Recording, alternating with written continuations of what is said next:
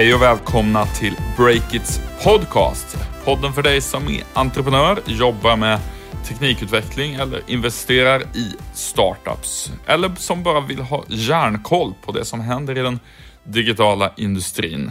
Olle Aronsson heter jag. Jag är medgrundare till techsajten Breakit och mitt emot mig, där vi sitter här nu på nyhetsredaktionen hos eh, Breakit i Stockholm. Eh, mitt emot där sitter Jon Mauno Pettersson, nyhetschef på Breakit. Tjenare. Hur är läget med dig? Ja men det är väl bra får man väl säga. Lite knäckt efter AIKs förlust mot Göteborg i måndags men eh, det är ingen fotbollspodd så vi slipper prata om det så det känns skönt. Ja, vi lämnar det bakom oss. Eh, vad ska vi prata om i det här avsnittet? Nej men i det här avsnittet tänkte jag vi kunde bjuda på ett gäng spaningar och analyser från techvärlden där vi bland annat ska prata om Tidal som vi har avslöjat att Jay-Z är på väg att sälja, eller vill sälja åtminstone. Och sen ska vi prata om porr och spel och eh, VR och eh, lite e-hälsa för att Mm. sammanfatta kort. Det var en kärnfull summering. Vi kör igång. Vi sponsras den här veckan av Miss Hosting, vilket vi är väldigt glada för. Miss Hosting, de erbjuder ju en eh, fullservice-lösning till den som ska dra igång en sajt. Jon, vad behöver man egentligen för att komma igång med en sajt i sin startup? Ja, men du behöver nog en, ett domännamn till att börja med. Sen behöver du ett webbhotell och så hosting förstås för sidan. Och Miss Hosting erbjuder allt det. Precis. Och dessutom så är de ju med och sponsrar oss och stödjer därmed Breakits journalistik. Vilket vi är glada för och hoppas att det också är något bra för startups.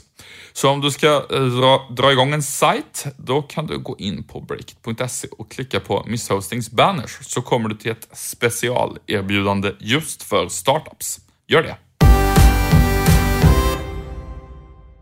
Ola, jag tänkte en sak som vi skulle kunna börja med som nog många funderar på eh, är ju Fingerprint Cards, techbolag från Göteborg som vi har skrivit ganska mycket om ändå de senaste månaderna i alla fall. Eh, den, nu igår och idag så har ju aktien gått upp och ner på börsen och det har väl varit så under en längre tid. Eh, och du är ju gammal börsreporter. Och vad, vad innebär det här och varför, vad är det som händer egentligen? Kan man förklara det på något lätt sätt så att vanligt techfolk förstår varför, hur miljarder kan uppstå på en sekund och försvinna dagen efter på börsen?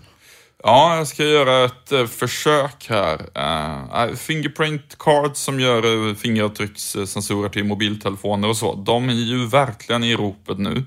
Aktien kan gå upp 30% ena dagen och ner 30% nästa och det innebär ju i Fingerprints fall att det liksom är miljardvärden som eh, försvinner och uppstår väldigt snabbt. Och det beror på vad då? Ja, det beror på egentligen att Fingerprint skiljer sig väldigt mycket från andra så stora företag på börsen i den meningen att det är väldigt stor eh, det är väldigt utspritt vad gäller vad folk på aktiemarknaden har för uppfattning om hur det kommer gå för Fingerprint i framtiden. Eh, om vi jämför med till exempel Volvo så kan man säga att placerarna och aktieanalytikerna är lite grann flockdjur där. Eh, alla har ändå ungefär samma uppfattning om hur mycket vinst Volvo kommer göra nästa år och så. Detsamma gäller Nordea och de flesta stora börsbolag. Men vad gäller Fingerprint är liksom spreaden som det kallas för enormt stor vad gäller människors förväntningar. Vissa tror att det kommer gå jättedåligt nästa år, en del tror att de kan göra 100 miljoner i vinst nästa år och en del tror att de kan göra um, en halv miljard i vinst nästa år. Um, och det där gör ju att eh, värdet på företaget kränger väldigt mycket.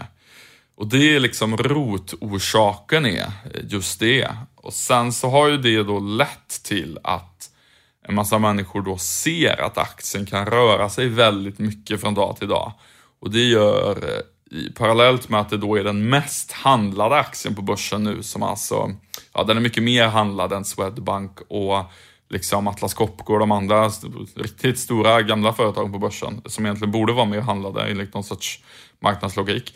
Men eh, så stor volym i handeln, eh, väldigt tvära kast i aktiekursen, ingen liksom vettig konsensus om vad bolaget borde värderas till gör sammantaget att massa hedgefonder, traders och småsparare kastar sig in. För folk ser möjligheten att liksom tjäna 30% upp på en dag. Men det går ju bra för Fingerprint Cards just nu. Eh, Finns det något problem med att börsen ser ut så här? Ja, eh, det var lite det jag tänkte komma till. Det är egentligen två saker som blir ett problem. Eh, Det ena är att det blir fokus på aktiekursen istället för fokus på Fingerprint som företag och deras teknik. Det är ju ganska tråkigt egentligen. Alltså, det här är ju en teknik som förändrar en industri på ett eh, ganska intressant sätt. Men nu blir allt fokus på aktiekursen istället och det är ju egentligen Ganska tråkigt. Och det andra problemet är ju om Fingerprint till exempel skulle vilja göra ett förvärv, köpa upp någon liten konkurrent i Kina eller eh, köpa upp något bolag som sysslar med, med mjukvara. De är ju främst ett hårdvarubolag då. Då kanske de vill göra det där förvärvet med egna aktier. Och det är ju problematiskt om aktien ena dagen kan vara värd väldigt mycket mindre än vad den är eh, idag. Eh, man vill ju ha en mer stabil aktiekurs, eller då är det mycket enklare att göra förvärv med egna aktier och göra nya emissioner. Just det. vill man ju också kunna eh, göra på en, med en mer stabil kurs. Ja, vi lär väl få anledning att återkomma till Fingerprint, säger väl magkänslan, eller? Ja, det, det får vi verkligen. Och jag hoppas ju att den här väldigt storskaliga spekulationen och tvära kasten i aktiekursen, ja men att det blir ett slut på det och mer fokus på teknikutveckling och den eh, svenska exportsuccén som Fingerprint eh, liksom, som företag ändå är. Just det. Men de som klev in i Fingerprint för tio år sedan, de är väl glada idag ändå, antar jag? Ja, eller ja, det är så här, jag vet faktiskt, eller om de har kvar sina aktier Ja, så är de säkert glada, men det är, de har gjort otroligt mycket nyemissioner, det har hänt väldigt mycket på vägen.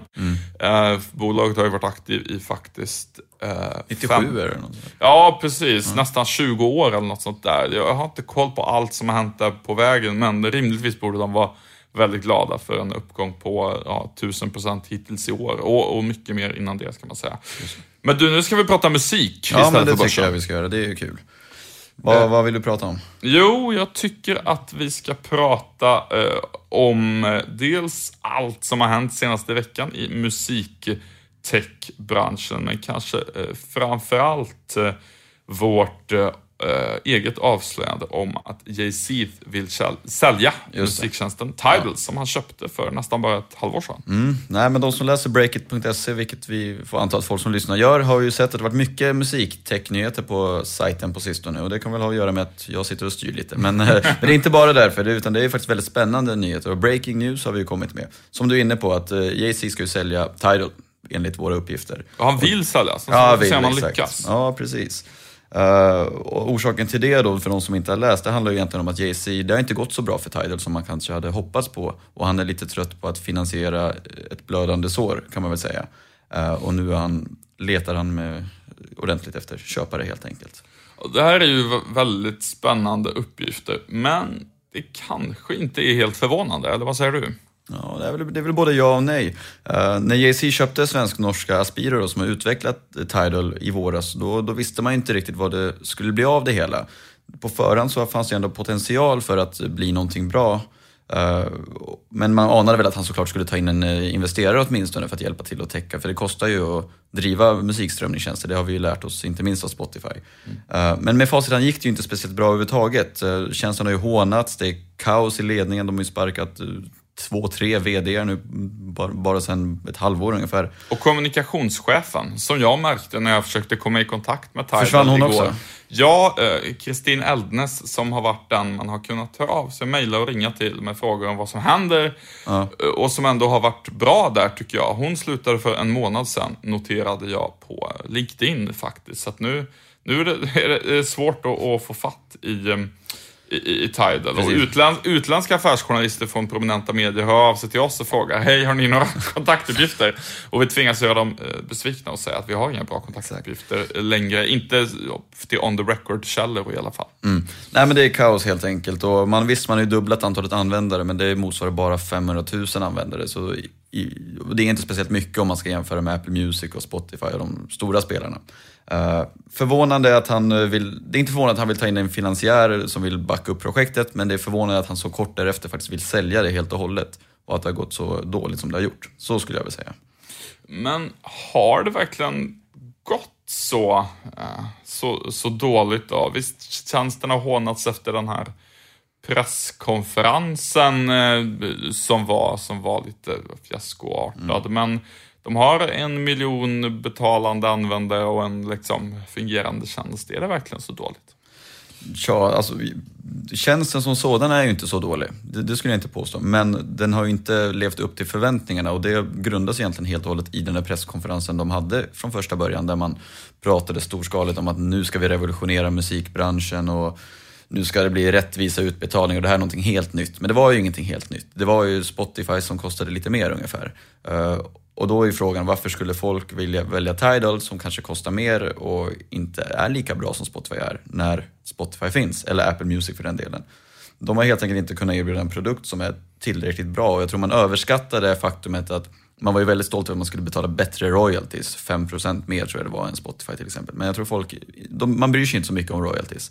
Där ser man Jay-Z stå på scen och säga att vi ska tjäna mer, men det, blir, det faller lite fel eftersom han redan är sjukt rik. Uh, så ingen jättedålig tjänst, men den har bara inte varit bättre. Och man måste vara bättre för att få kunder. För, vad finns det mer där då? Jag, jag tänker ju någonstans att um, utöver den problematiken så har väl ändå konkurrensen hårdnat sen de lanserades. Alltså det känns lite som att han kom in vid helt fel tidpunkt. Ja, Nej, men Apple Music kom ju och Jay-Z hoppades väl någonstans på att det skulle skapa ett större intresse för streamingmarknaden och på sikt någon köper upp Tidal som han skulle få fart på då. Men nu fick han inte riktigt fart på det. Visst, de har ökat användarantalet men det är fortfarande väldigt få användare. Jag har svårt att se varför Apple Music skulle köpa Tidal eller Spotify skulle köpa Tidal. Det finns inte några riktiga argument för det, som jag kan se i alla fall. Uh, och det är problematiskt för honom eftersom han ju förmodligen ville tjäna sig en hacka på det här. Han köpte Aspiro ganska billigt får man säga, men uh, han ville skapa ett nytt, öka värdet på bolaget och det är väl tveksamt om han har gjort. Speciellt i takt med att streamingmarknaden blivit ännu tuffare och det är uppenbart svårt att tjäna pengar för bolagen.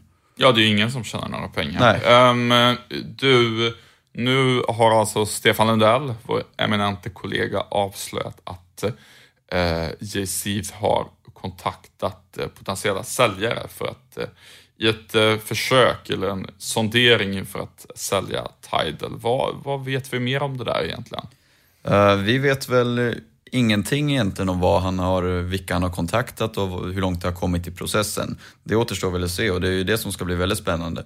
Eh, personligen så tror jag ju mer på att eh, Jay-Z kommer söka sig till något, något stort bolag som vill komplettera med en musiktjänst snarare än en konsolidering i själva streamingmarknaden. Jag vet att du var lite inne på det, Deezer kanske skulle hitta något samarbete där, den franska musiktjänsten i samband med börsnoteringen. Men nu ställdes ju börsnoteringen in, eller sköts upp åtminstone, så jag vet inte riktigt, vad tänker du? Nej, men alltså min, min tanke där var väl någonstans att eh, några, eh, som jag har pratat om tidigare, att några av de här små spelarna i branschen skulle mm. kunna slås ihop och att då en variant skulle kunna vara att Deezer börsnoteras och sen så köper Deezer Tidal och liksom eh, gör en nyemission samtidigt och liksom betalar med egna aktier. Alltså Tidal-ägarna får en andel i Deezer istället och så slås de ihop. Nu blir det ingen börsnotering. Det är ju enklare att göra sånt där om man är börsnoterad så att det minskar väl sannolikheten för den eh, spekulationen, eh, för att den spekulationen jag hade blir till verklighet. Vad, vad tror du själv kommer hända? Du nämner något om stora bolag som, ja. som kan vilja ha in eh, detalj för att komplettera sig. Vad tänker du på då? Nej, men det har tidigare ryktats om att Jay-Z varit på möte med till exempel Samsung som själva har en, en liten musiktjänst som inte går speciellt bra. Och att om de skulle vilja komplettera sina telefoner ungefär som iPhone har kompletterat med Apple Music att de vill ha en musiktjänst helt enkelt. Så då är ju Tidal ett ganska bra alternativ eftersom de faktiskt har tekniken och de har alla rättigheter på plats och allt är fixat och klart. Man slipper väldigt mycket jobb och man kan kanske till och med spara pengar. Så där beror det helt på hur mycket Jay-Z vill ha för sin tjänst såklart. Men eh, att något större bolag som vill komplettera med en musiktjänst snarare än en streamingtjänst som vill utöka med Tidal, det tror jag mer på. Ungefär som också Amazon har byggt ut en musiktjänst som komplement till sina e-handelskunder egentligen.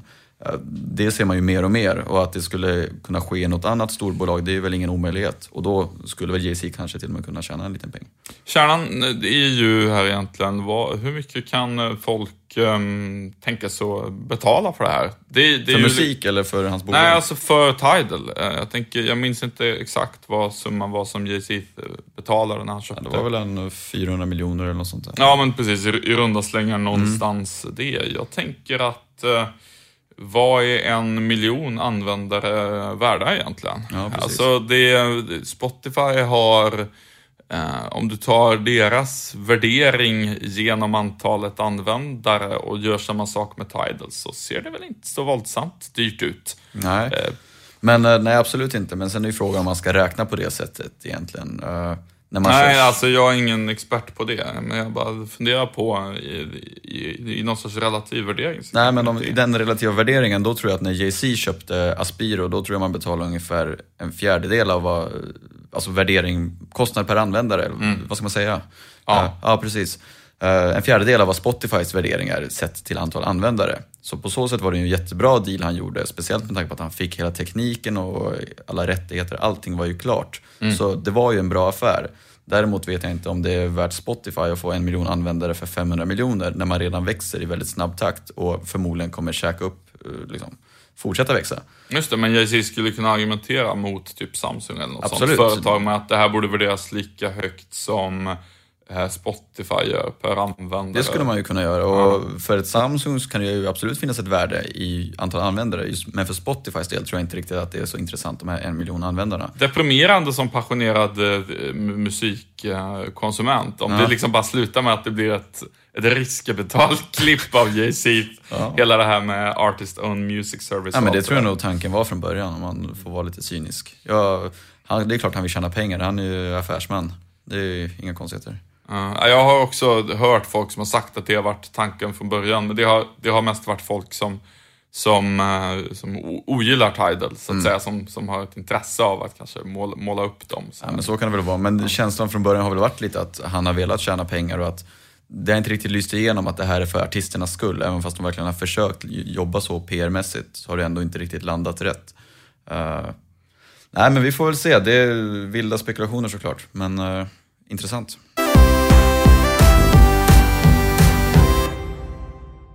Ja, och den här podden sponsras den här veckan av juristbyrån Jansson och Norin som är specialiserad på affärsjuridik och att hjälpa företag och startups. Och de bistår entreprenörer med till exempel att skapa aktieägaravtal, kapitalanskaffningar och annat som man kan tänka sig behöva hjälp med. Eh, och vi har ju ett eh, samarbete med Jansson Norin som går ut på att de skriver väldigt intressanta sponsrade artiklar på vår sajt med tips och råd till entreprenörer.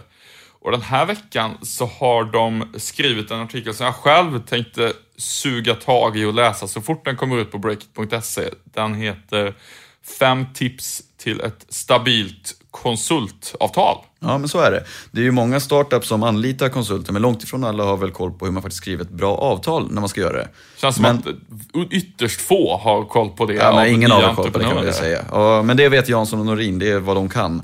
Uh, och nu bjuder de på sina fem bästa tips gratis helt enkelt. Så det är bara att gå in och läsa och lära på breakit.se. Gör så. Det har ju eh, de senaste veckorna rapporterats en hel del om vad framtiden kan tänkas bli för eh, VR, eh, virtuell verklighet, eh, eller virtual reality som det heter på engelska. Eh, det kommer ju lanseras massa nya VR-headsets nästa år eh, och dessutom många VR-appar av olika slag. Och Eh, jag har en liten spaning där som i princip går ut på att de flesta har hittills pratat om att det är antingen pornografi eller datorspel som kommer bli den största grejen med VR. Men jag tror inte att det är någon av de grejerna. Oj, oj, oj vilken cliffhanger. Berätta. Uh, nej, men jag har läst på och pratat med en del folk som har koll på det här och uh, enligt dem är det väl i princip så att den riktigt stora grejen som det kommer bli med VR, det är socialt, eh, social interaktion, kommunikation. Mm.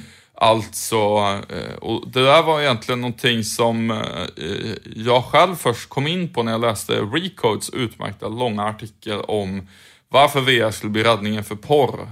Att man ja, då kan, kan se folk i en virtuell eh, verklighet eh, via en VR-kamera, att det skulle vara en mycket större upplevelse än vanlig pornografi. Um, kan man liksom fundera, tycka vad man vill om, men det är ju i alla fall en spaning som många gör kring den här branschen. Och då kommer jag att tänka på det att man kan ju också titta på varandra utan att det behöver vara något sexuellt med det. Mm. Och um, sen pratade jag med en del svenskar i den här branschen och läste på en del på internet. Och det är ju faktiskt så att Oculus, som numera ägs av Facebook, de har i en intervju med den eh, utmärkta eh, techbloggen Upload VR, eh, de har sagt till den sajten att Oculus planerar på att förmodligen nästa år lansera ett gränssnitt för social VR. Oculus SD, Social SDK, vad det nu ska heta mer exakt, det är väl inte klart. Men eh, förenklat så sätter ju det eh, Facebooks förvärv av Oculus i ett nytt ljus. Man har ju alltid tänkt att ja, men det där förvärvar de för att växa inom spel, typ. Eh, Men nu börjar man ju kunna ana att om du kopplar ihop eh, Facebooks eh, API med en VR-produkt så skapar du möjlighet för människor att eh, umgås och mötas på helt nya sätt via VR eh, och eh, Facebooks plattform. Men blir det som en webcam i 3D liksom då? Att man, eller vad, vad är grejen? Ja, det, det, man kan säga lite förenklat Ja. att det är webcam i 3D. Eh, Det gör ju liksom att man, folk, vänner, bekanta, folk som har distansförhållanden kommer ju få liksom helt nya möjligheter att känna att man träffas på riktigt ännu mer än vad det är i webcam. Alltså det blir ehm, Skype 2.0. Eh, Facebook håller ju redan på och vill växa inom eh, alltså röstsamtal och videosamtal. Att man ska göra det via Facebook istället för Skype eller Google Hangouts. Och VR är ju liksom nästa steg inom det där. Även om det kommer dröja ett tag så kan man ju se eh, ganska tydligt framför sig hur det där skulle kunna eh, se ut. Det finns ju, måste ju finnas typ säkert ehm, Alltså jag vet inte hur många distansförhållanden det finns och hur mycket det finns människor som bor i liksom ett helt annat land än vad deras familj gör. Men säg att det är liksom, jag vet inte, en miljard människor som har den typen av relation av något slag. Eh, och som sitter idag och skypar och så. Med VR, om de kan känna att de kommer närmare varandra, om människor i förlängningen kan liksom gå runt i sitt barndomshem fast de befinner sig på andra sidan jorden. Eh, då kan man ju verkligen förstå hur VR kan bli en produkt för var mans hem. Verkligen. Eh, och det här är ju först då, eh, även om jag kanske är bland de eh, liksom första sådär i vår breakit-kontext här i Sverige som börjar prata om det här så är jag för, förstås inte först i världen på något sätt med den här spaningen. Ehm, bland annat att eh, eh, underhållningsbolaget Landmark som gör allt, arrangerar Las Vegas shower och bygger nöjesparker och allt möjligt. De håller på att snickra på en produkt för social VR eh, och Facebook gör det också och det finns eh, en del startups som sysslar med det här, bland annat eh, ett företag som heter VR Chat och ett annat som heter Altspace VR. Eh, Och än så länge har jag faktiskt inte koll på någon svensk startup som specifikt sysslar med liksom appar för social VR eller så. Jag tar tacksamt emot eh, tips där, för jag tror att eh, eh, det, det där kommer kunna bli väldigt, eh, väldigt stort. Just det. Men vart mejlar man då? olle.breakit.se? Det gör man. Härligt. Men sen fanns det ju några klipp också på Mark Zuckerberg där han spelar pingis med någon kompis via VR. Såg du det? Mm, Är, jag det- såg är, det, det. är det samma grej eller är det spel snarare än social? Ja, men det är väl någon sorts blandning av det. Och allt det här smälter ju ihop eh, lite grann. Alltså, eh, e-sportvärlden och eh, alla forum och så som finns kring den visar väl med önskvärd tydlighet att det liksom att spel och socialt kan hänga ihop, helt enkelt. Men eh, eh, jag tänker ju bara på en sån sak själv som att eh, jag spelar ju rollspel, Drakar och Demoner, med mina kompisar. Och eh, det har vi ibland liksom pratat om att ska vi börja göra det via Skype, typ, när vi sitter i olika städer. Ja, men det känns inte så bra. Men om man kan sitta i samma rum via VR och spela rollspel eh, så, eh, då skulle det ju bli en mycket bättre upplevelse, mycket trevligare sätt att, eh, att eh, ses på. Eh, Så det kommer revolutionera rollspelandet? Ja, men det hoppas jag. Det, vore väldigt, det vore väldigt härligt. Det har inte varit så mycket innovation på det området på senaste åren. Man sitter fortfarande med böcker där hemma. Ja men Olle, det börjar bli dags att runda av här nu. Så ska, ni som har lyssnat, följ oss på Twitter och följ oss på Facebook. Och sen har vi också uppmanat folk på Facebook till att klicka på att man ska se oss först i sitt flöde. Hur gör man det?